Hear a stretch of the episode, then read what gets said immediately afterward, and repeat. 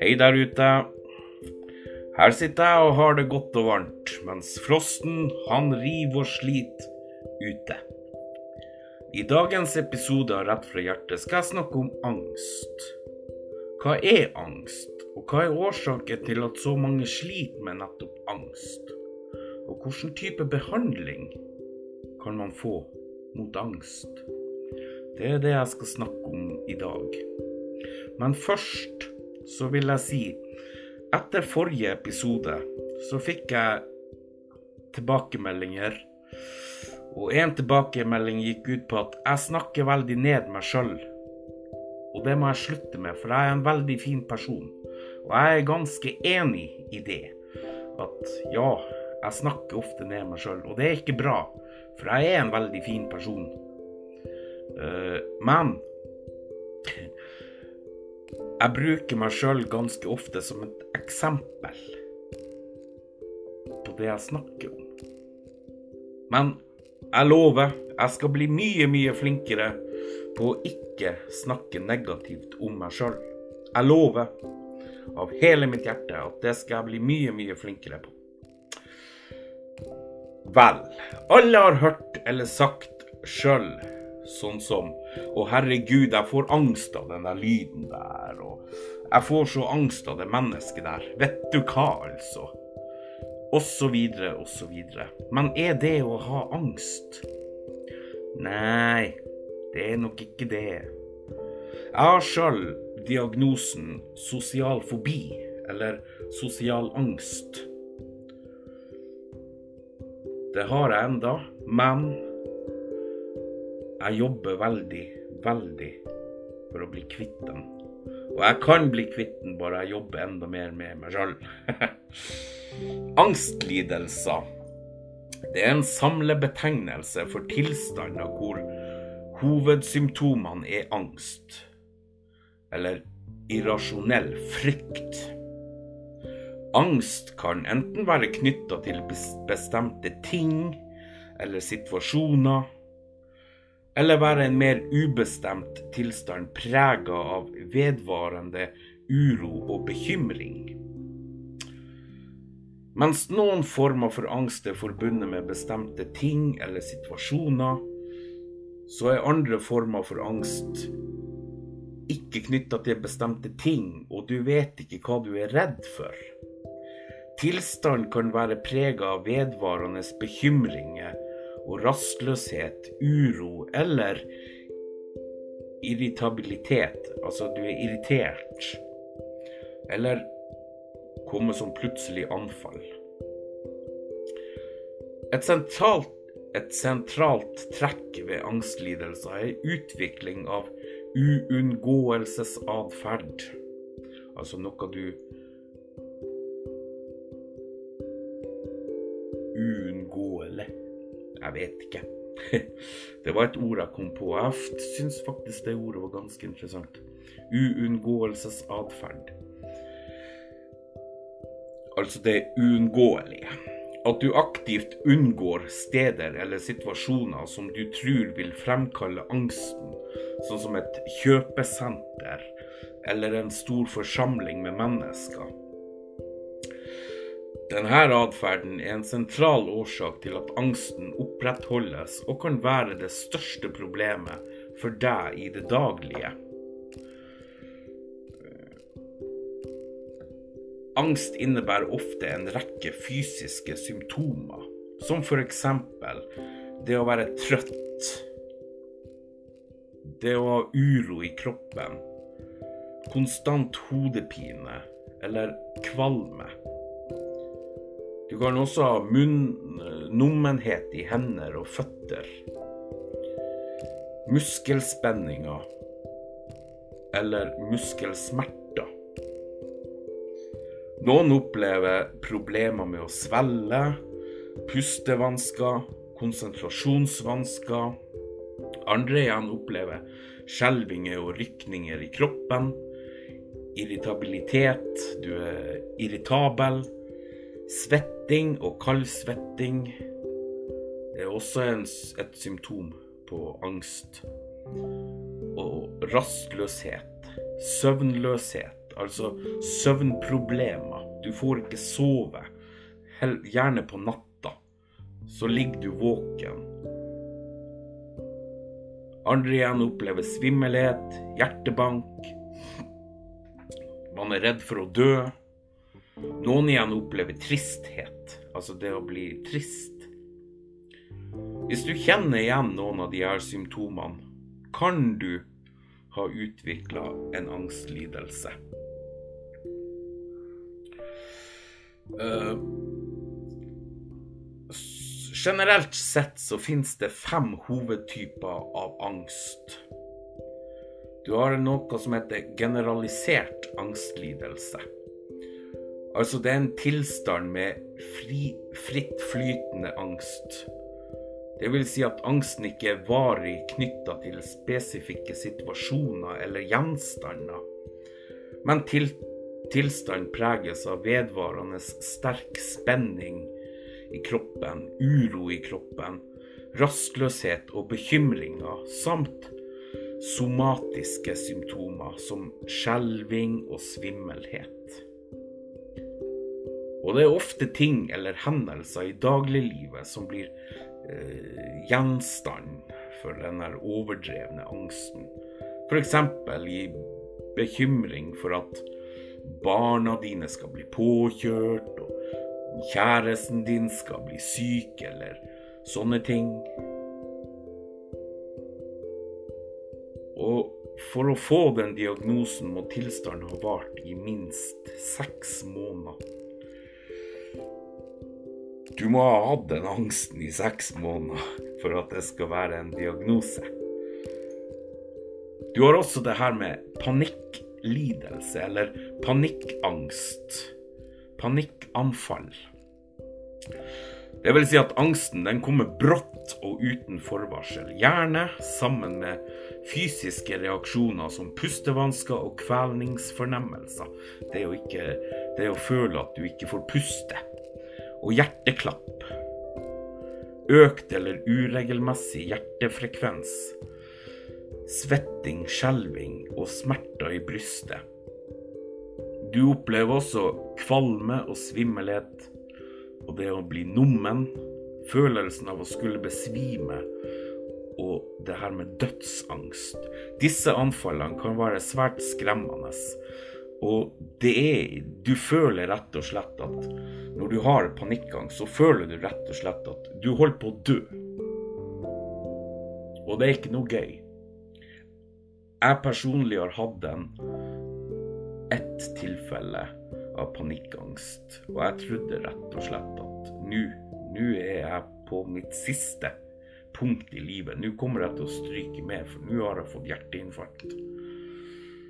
Og det var når jeg skulle på et møte. Men det er fordi at de kroppslige symptomene de, er, de blir så utrolig sterke når du får panikkangst. Eh, og du kan mistolke det her og tro at du har fått en alvorlig kroppslig sykdom, som f.eks. hjerteinfarkt eller slag. Og det kan føre til at du blir eh, var for endringer i kroppen, og opptatt av om du får raskere puls, sterkere hjertebank, rask puls eller sånne ting. Eh, altså det at du går og føler på det ofte at Oi, nå har jeg høy puls og Og det er vanlig når man har hatt sånn panikkangst at man gjør sånne ting. Man tenker sånn Å, herregud, jeg må sjekke pulsen. Jeg syns den er litt rask i dag. Og hjertet banker fortere og slike ting. Selv om det ikke gjør det. Andre ting, det er fobier. Fobier er irrasjonelle og intens frykt for bestemte situasjoner, eh, bestemte gjenstander eller aktiviteter. Det er vanlig å dele inn fobier i tre hovedtyper. Altså, du har sosial fobi, spesifikke fobier og agorafobi. Ved sosial fobi, da er du redd for omgang med andre mennesker. Det kan være andre mennesker generelt, eller bestemte grupper mennesker. Eventuelt i bestemte situasjoner som du øh, kan havne i.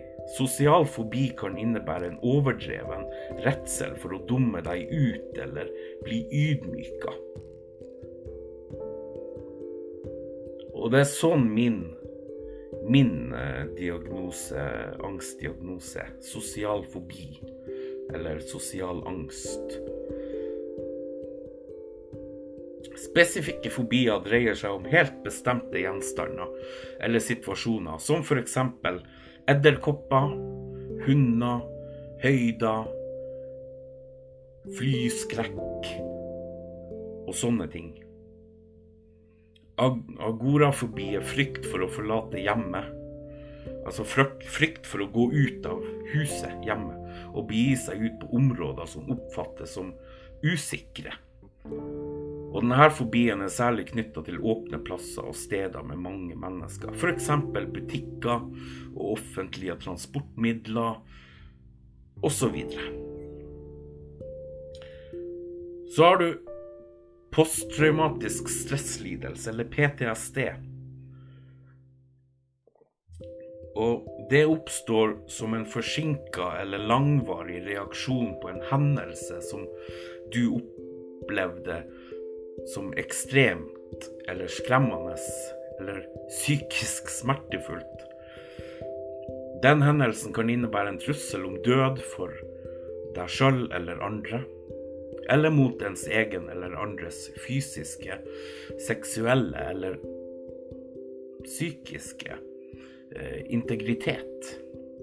F.eks. en katastrofe, alvorlig ulykke, voldtekt, og trusselen oppleves som overveldende i forhold til den enkeltes evne og mulighet til å mestre situasjonen.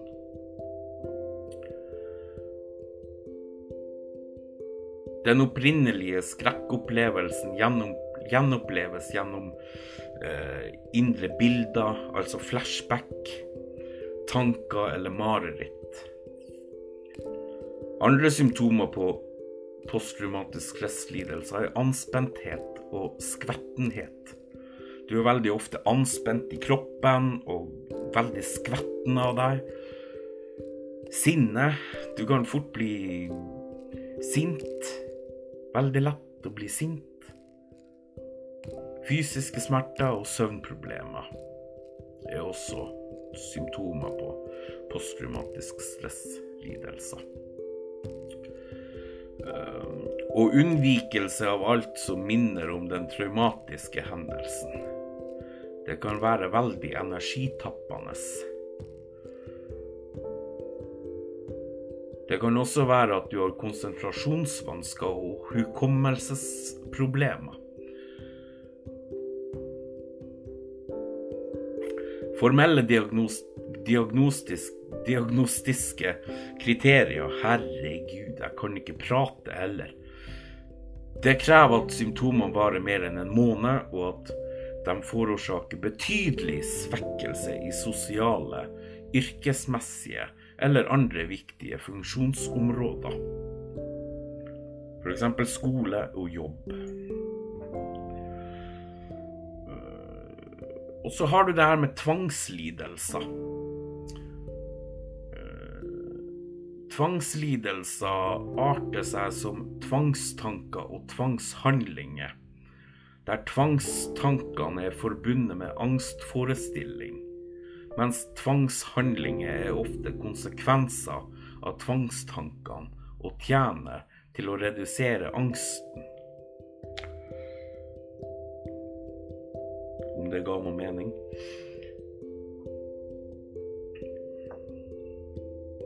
Hvis du har behov for helsehjelp i henhold til angst eller andre psykiske lidelser, så snakk med familie eller venner du har tillit til.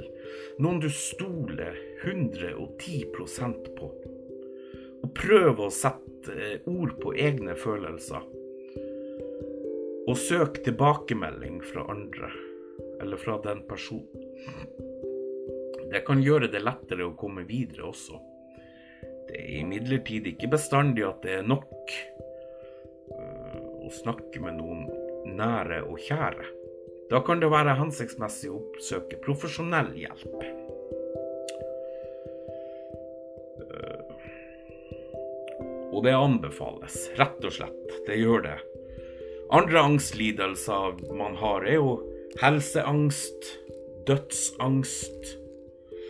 Altså angst for helse. Dødsangst, det ligger jo i ordet. Og så har du akutt stresslidelse.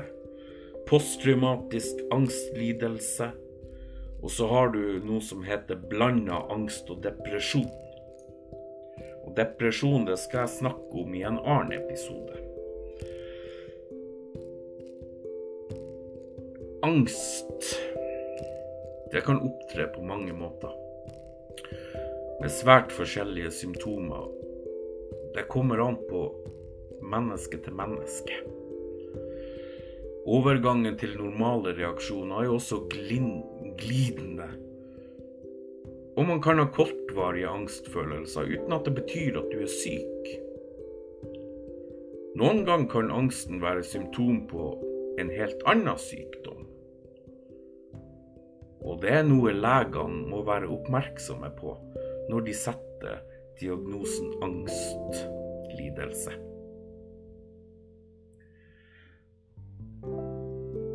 Så lurer dere sikkert på ja, men hvem kan man ta kontakt med ut av offentlige personer? Jo, det skal jeg fortelle dere hvis dere gir meg et lite øyeblikk. Helsetjenester. Der har vi veldig mange. Du har fastlegen din. Det første skrittet er jo gjerne å ta kontakt med fastlege. Og mange forteller legen om smerter og andre kropp, kroppslige plager man har. Men egentlig er det en angstlidelse som ligger til grunn for de her plagene. Det her det gjør det òg vanskeligere for legen å oppdage. Det er også nødvendig at legen vurderer helseundersøkelser og blodprøver for å utelukke at plagene skyldes noe annet enn angst. Da kommer vi gjerne inn på det her med helse helseangst. Og jeg vet det at det er ikke ofte det er like lett å beskrive hvordan man har det heller. Man sier ja, jeg har litt vondt i jeg har ondt, veldig vondt i kroppen, og det, det, føles ut som at jeg har hjertefeil. Jeg er kaldsvetter ofte og slike ting, ikke sant. Jeg har sjøl vært hos fastlegen, og det er mange ganger jeg ikke får til å si det jeg egentlig skal si. Men det er veldig viktig.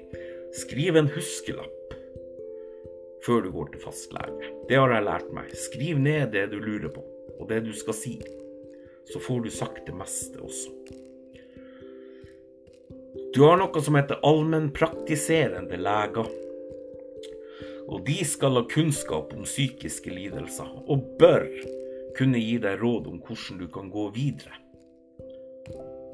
For stadig flere allmennleger har dessuten tatt utdanning i kognitiv terapi, og kan gi både eh, gode råd basert på en slik tilnærming ved angstlidelser og depresjon du kan også få hjelp til å finne pass, et passende tilbud i kommunen, eller henvisning til f.eks.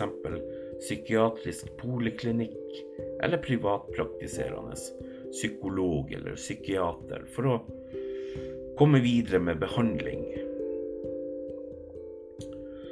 Eh, kommunen har jo også noen tilbud.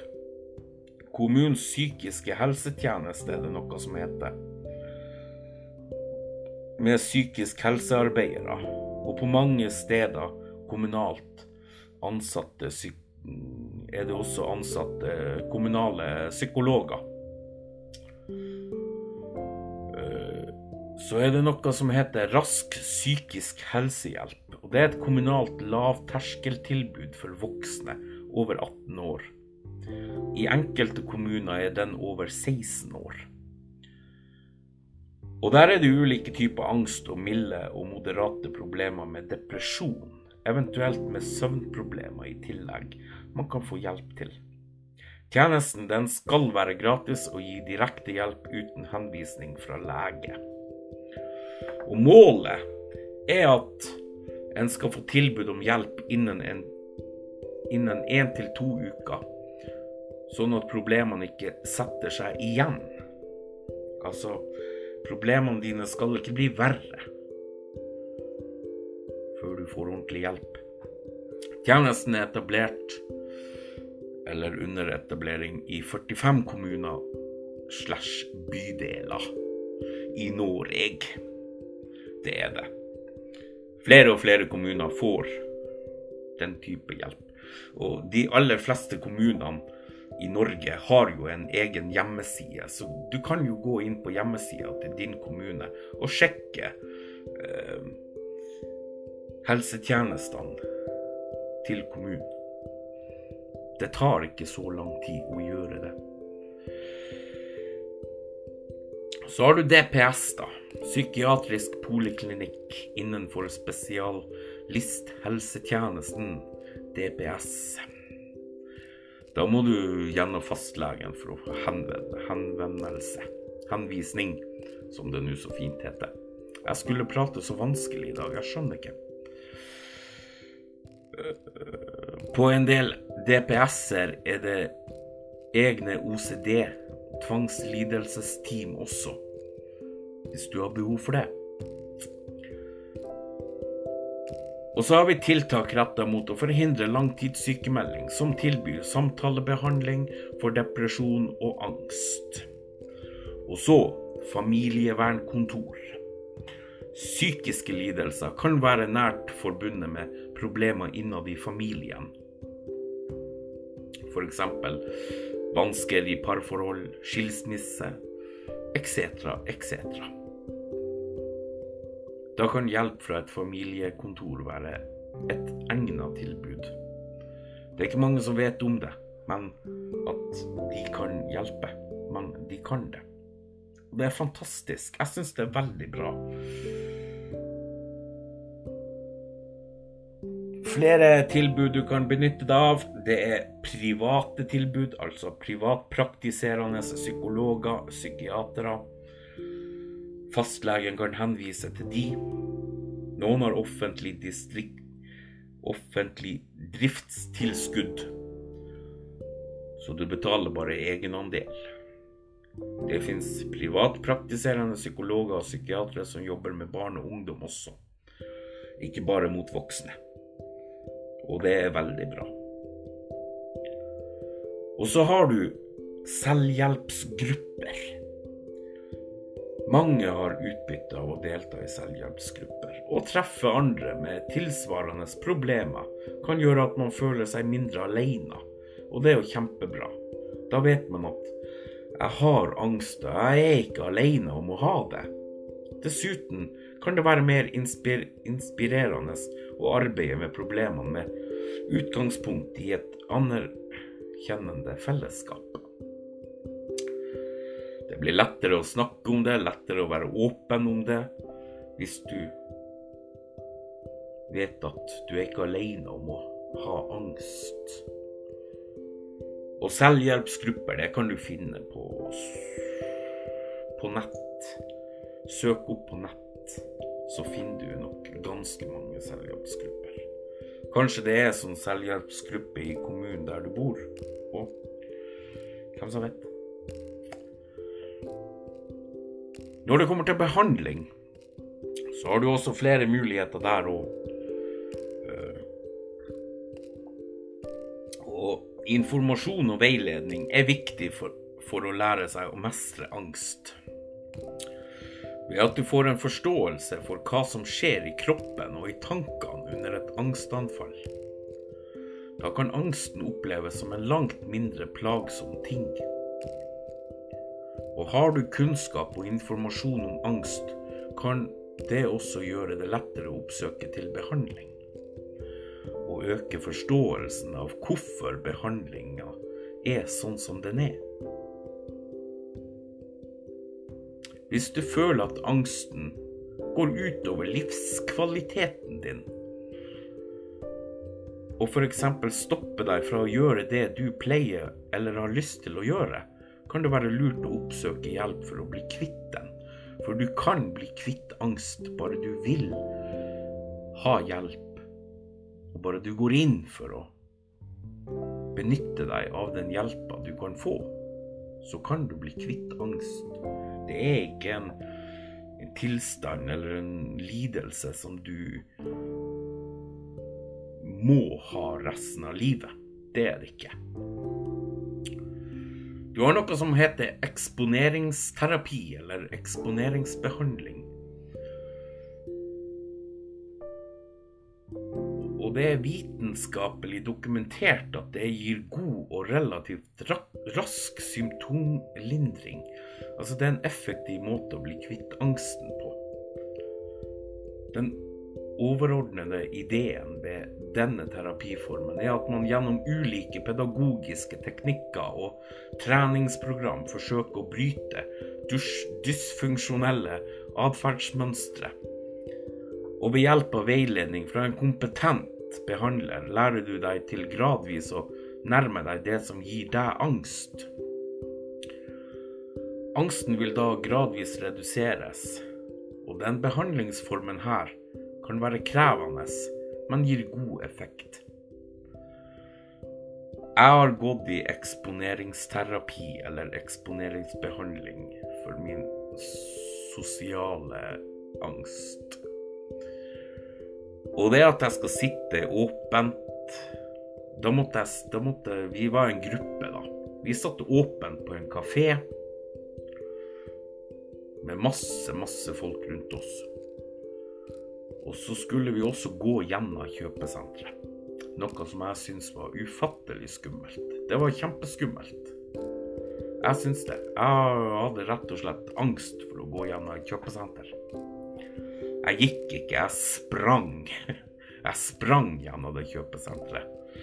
Av og til så måtte jeg stoppe opp utfor kjøpesenteret før jeg skulle gå inn til gruppa og sitte på kafé fordi at eh, jeg fikk eh, angstanfall.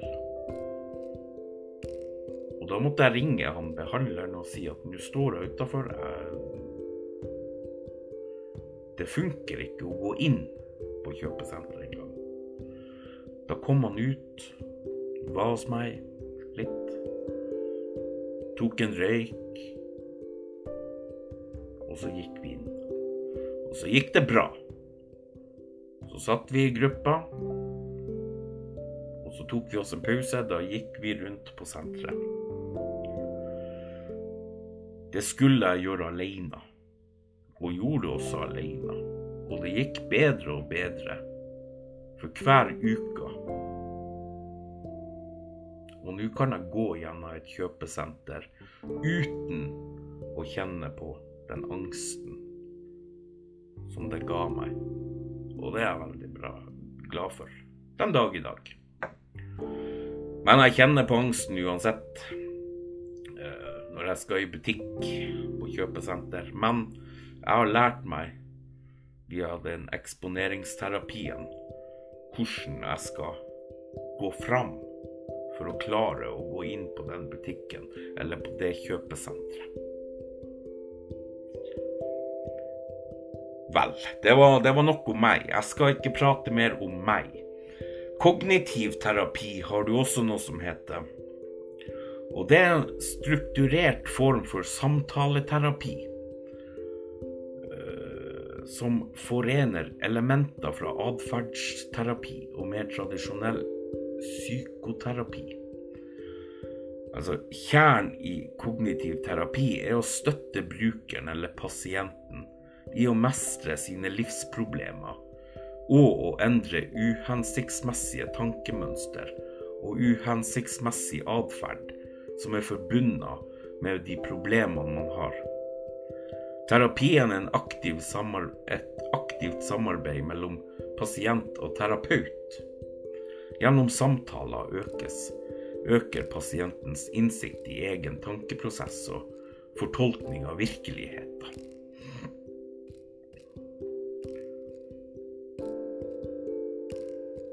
Så har du psykomotorisk fysioterapi, som er en behandling som kalles psykomotorisk fysioterapi, som kan virke like bra som kognitiv terapi.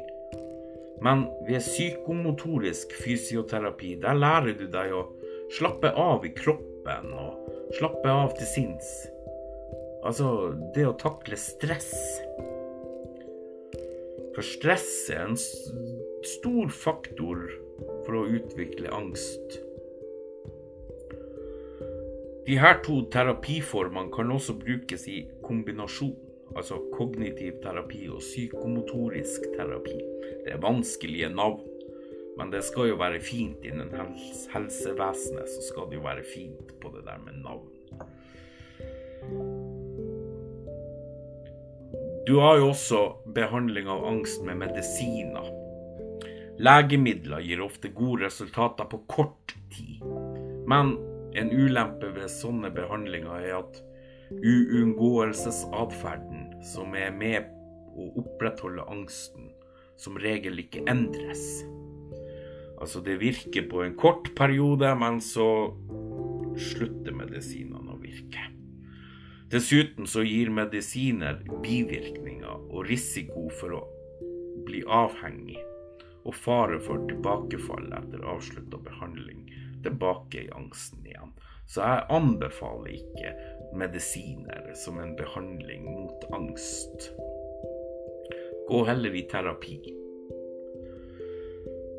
Det siste du har, det er gruppeterapi. Som sagt, jeg var på kjøpesenter. Vi var en gruppe på fire-fem personer. Og så skulle vi ha eksponeringsterapi i samarbeid med gruppeterapien. Altså at jeg skulle ta meg en pause fra gruppa og gå gjennom kjøpesenteret. Og i gruppeterapi, gruppeterapi, der får du mulighet til å se din egen, din egen livssituasjon i sammenheng med andres. Du får innblikk i hvordan andre gjør som gjør som Ja, hvorfor de gjør det de gjør. Og du ser at du er ikke alene om å ha de her plagene som angst og PTSD og sånne ting. Du kan også bli bedre kjent med egne tanker og følelser, og egne handlinger og reaksjonsmønster. Så gruppeterapi kan i tillegg fungere som motivasjon for annen type terapi f.eks. eksponeringsterapi. Det å leve med psykiske plager og lidelser, det er vanlig å skille mellom psykiske plager og lidelser. Psykiske plager er mentale vansker som nettopp, som nettopp er plagsomme, men ikke i så stor grad at de kan betegnes som diagnoser. Mange mennesker vil fra tid til annen kunne ha slike plager, som f.eks. det å være, ha søvnløshet eller være engstelig. Og psykiske lidelser brukes når bestemte diagnostiske kriterier er oppfylt, sånn som angst og depresjon. Men i de fleste tilfeller av angstlidelser er ikke rene tilstander men omfatter symptomer fra flere ulike angsttyper. Og som oftest kan det sette flere angstdiagnoser samtidig. I tillegg er det en nær sammenheng mellom angst og depresjon. Og svært mange som opplever en angstlidelse, opplever før eller senere også depresjon. Særlig hvis du har generalisert angstlidelse som er beslekta med depresjon. Men hva er Nå har jeg snakka masse om angst og behandlinger og ulike metoder og hvem du kan oppsøke for å bli kvitt møkka, men hva er årsaken til at så mange får angst? Det har vi ikke prata om enda. Det er kanskje på tide. Årsaken til angst det oppstår Årsaken til at angst oppstår, er ikke helt klare. Det er litt usikkert. Men det er en rekke faktorer som kan øke risikoen for å utvikle angst, deriblant uheldige hendelser i barndommen. Stress kan være en eh, faktor. Og personlighet. Personlighet. Ja, det er personlighet. Generelle forhold som med mange psykiske lidelser, så vet vi ikke fullt ut hva som forårsaker generalisert angstlidelse. Det kan ha sammenheng med forstyrrelser i de naturlige forekommende stoffer i hjernen. Altså, det er noe som heter nevrotransmitterne, som serotonin, dopamin og noradrenalin. Det er noen stoffer du har i hjernen. Hvis de kommer i ubalanse, da kan du utvikle psykiske lidelser. Sannsynligvis er det flere årsaker som kan inkluderes. Blant annet arv, miljø og stress. Men forskere er enige om at hvordan vi tenker og føler, er avhengig av hvordan vi blir oppdratt. Hva som skjer med oss i livet, arvestoffer vi har fått fra våre foreldre, og som kontrollerer hvordan kroppen og hjernen vår utvikler seg. For det er jo forskjellig fra menneske til menneske. Og balansen mellom ulike kjemiske stoffer i hjernen. Dopamin, serotonin og noradrenalin. Alle disse faktorene spiller en rolle for hvor mye du bekymrer deg, og hvor engstelig du er. Forhold som kan øke vår risiko for å utvikle generalisert angstlidelse, er bl.a. uheldige hendelser i barndommen. Altså barn som har opplevd å bli misbrukt eller har opplevd større traumer, som f.eks. å miste en av foreldrene sine mens barnet var meget ungt. Mobbing har høyere risiko for å utvikle generalisert angstlidelse på en eller annen tidspunkt i livet. Så mobbing Mobbing er en stor faktor når det kommer til angstlidelse. Det å være kvinne Alle vet jo at det å være kvinne er jo ufattelig tungt. Det er jo tøft. Det er jo et tøft liv å være kvinne. Mer enn dobbelt så mange kvinner som menn får diagnosen generalisert angstlidelse, og det er jo forståelig, for det er jo å være kvinne. Ikke noe ondt ment om dere kvinner der ute, for dere er fantastiske, alle som en. Men eh, dere har et forferdelig tøft liv. Det er nesten så jeg begynner å gråte her. Stress, det er en stor hendelse, eller en gradvis opphopning av mange små belastende livssituasjoner som kan utløse angst.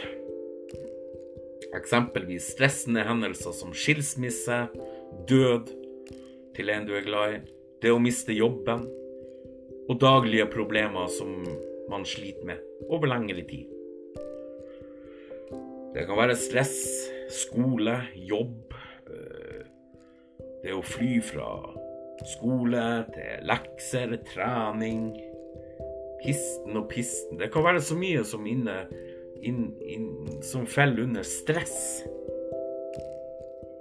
Og sykdom. Sykdom også. Å leve med en kronisk eller en alvorlig sykdom som f.eks. kreft kan skape bekymring om fremtida. Behandling og økonomi. Personlighet. Mennesker med samme type personlighet har større sannsynlighet for å utvikle angstlidelser enn andre personer. Dessuten er det noen typer personlighetsforstyrrelser, som f.eks. borderline personlighetsforstyrrelse, som er forbundet med generell angstlidelse. Og arv. Genetisk arv. Generalisert angstlidelse forekommer med økt hyppighet i noen familier. Så det å ha generalisert angstlidelse kan være arvelig. Også stoffmisbruk. Medikamenter eller alkoholmisbruk kan forverre en generalisert angstlidelse. Og koffein, som du har i kaffe og te, og røyk, nikotin, som du har i sigaretter, tobakk og snus, kan også ha en ugunstig effekt på angst. Og det Og det Nå sitter jo jeg her og koser meg med en kopp te som inneholder koffein. Så eh, jeg kan jo utvikle angst bare av det. Så det var jo litt Det visste jeg ikke fra før av engang. Men eh, kanskje jeg burde redusere litt på koffeininntaket mitt. Og nikotininntaket mitt, for den saks skyld. Men altså, risikoen for å få en angstlidelse er også høyere dersom du er arbeidsledig, hjemmeværende, separert eller skilt, eller at du er enke eller enkemann. Så er det også høyere risiko for å få angstlidelse. Imidlertid så vet man ikke om noen av disse risikofaktorene faktisk fører til angstlidelse, eller om det å ha en angstlidelse gjør det mer sannsynlig at en person havner i én eller flere av disse gruppene. Men alt det jeg har nevnt nå, det kan være en årsak til angstlidelser. Men det er det ingen som vet. Det er mulig f.eks. at personer som har en angstlidelse, finner det vanskeligere å skaffe seg eller holde på en jobb. Eller at det er vanskeligere for dem å bli værende i et forhold. Sånn at risikoen for separasjon og skilsmisse er større når man har angstlidelser. Problemer i barndommen, som jeg har nevnt tidligere, der er det forskere som tror at for å bli en frisk voksen, så må et barn føle seg trygg og sikker når det vokser opp. Og det gir jo mening.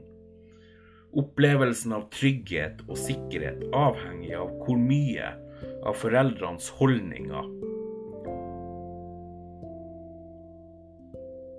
gir barnet. Hvis foreldrene dine ikke var i stand til å uttrykke varme og kjærlighet overfor deg da du var ung, eller dersom de var overbeskyttende, kan det øke risikoen for å bli engstelig og usikker på seg sjøl.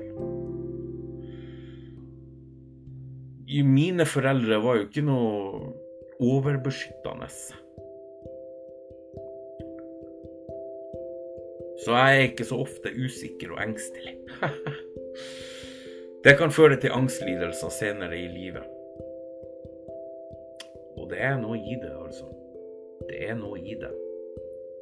For jeg ser det. Jeg opplever det stadig. I de siste i hvert fall 15 år så har foreldre vært mye mer overbeskyttende overfor barna sine enn hva de var for 20 år siden, f.eks.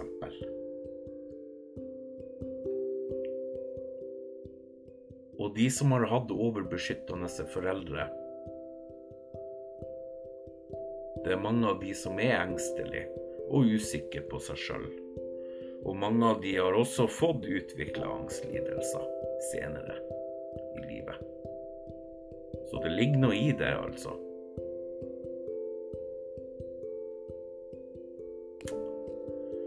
Kjemiske stoffer i hjernen og kroppen, som jeg nevnte tidligere også, Hjernen din inneholder mange kjemikalier, såkalte nevrotransmittere, som bringer beskjed mellom hjernecellene. Og mengden av ulike kjemiske stoffer i hjernen din kan påvirke stemning, stemningsleiet ditt og måten du tenker på. Mennesker med angstforstyrrelser kan ha for mye eller for lite av de kjemikaliene i hjernen sin. Det behøver ikke nødvendigvis å bety at en viss blanding av kjemikalier i hjernen din forårsaker angstlidelser, men kan ha en viss betydning. Det kan være andre ting, som stress, som forstyrrer balansen av kjemikaliene. Og som i sin tur påvirker de følelsene og gjør deg mer engstelig. Det er som jeg nevnte i sted, kommer de kjemikaliene du har i hjernen din, som kroppen og hjernen din produserer, kommer de i ubalanse, så gjør det noe med deg. Ikke sant? Hormoner er kjemikalier som bringer beskjed rundt i kroppen din via blodstrømmen. Hvis du har en angstlidelse, kan det være at kroppen din produserer for mye eller for lite av visse typer hormoner.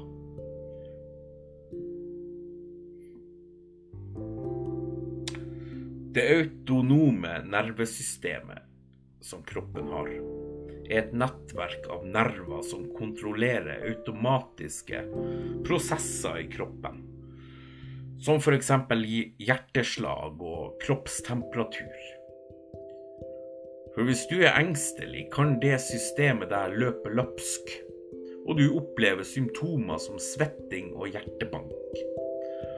Noen forskere tror at dette systemet fungerer dårligere blant mennesker med angstlidelser. Kanskje de har rett, i de forskerne. De er ikke så dumme, de der forskerne. De forsker på alt mulig rart. Skulle ha blitt en forsker, Kjell. Ja, du skulle bli det. Det er ikke en koselig lidelse å ha. Angst. Det er ikke det. Og mange som blir utsatt for mobbing, utvikler denne lidelsen angst, og blir stort sett aldri kvitt den. For den henger over deg i mange, mange år. Noen jobber selvfølgelig iherdig med seg sjøl for å bli kvitt angsten.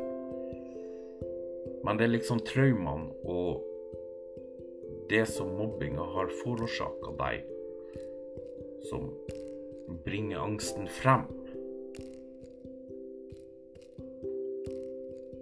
Så det er ikke bra. Voldtekt er også en ting som går under samme sak. Overgrep. Det er liksom traumene bak voldtekt og overgrep som bringer fram angsten i deg. Her også kan du bli kvitt angsten med iherdig jobbing med deg sjøl og dine tanker. Men det er ikke lett. Det er en hard jobbing. Vel, det var alt jeg kunne fortelle om angst for denne gang. Det kan jo hende ved en senere anledning at jeg kan snakke enda mer om angst. Men dere, det er jo eh, fredag. Og på søndagen som kommer, så er det første søndag i advent. Tenk det. Det går fort mot jul nå. Rett fra hjertet har tre episoder til før jeg tar meg en velfortjent juleferie. Men jeg tenkte å avslutte denne episoden egentlig med å tenne et lys. Men jeg har dessverre ikke noe lys å tenne, så vi kan jo late som. like greit, det.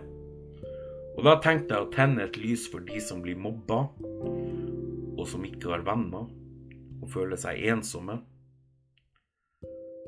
Et lys for dem som sliter med psykiske og fysiske lidelser. Så tenner vi et lys i kveld. Vi tenner det for glede. Det står og skinner for seg sjøl og oss som er til stede. Så tenner vi et lys i kveld. Vi tenner det for glede. God helg og god advent. Ha det bra.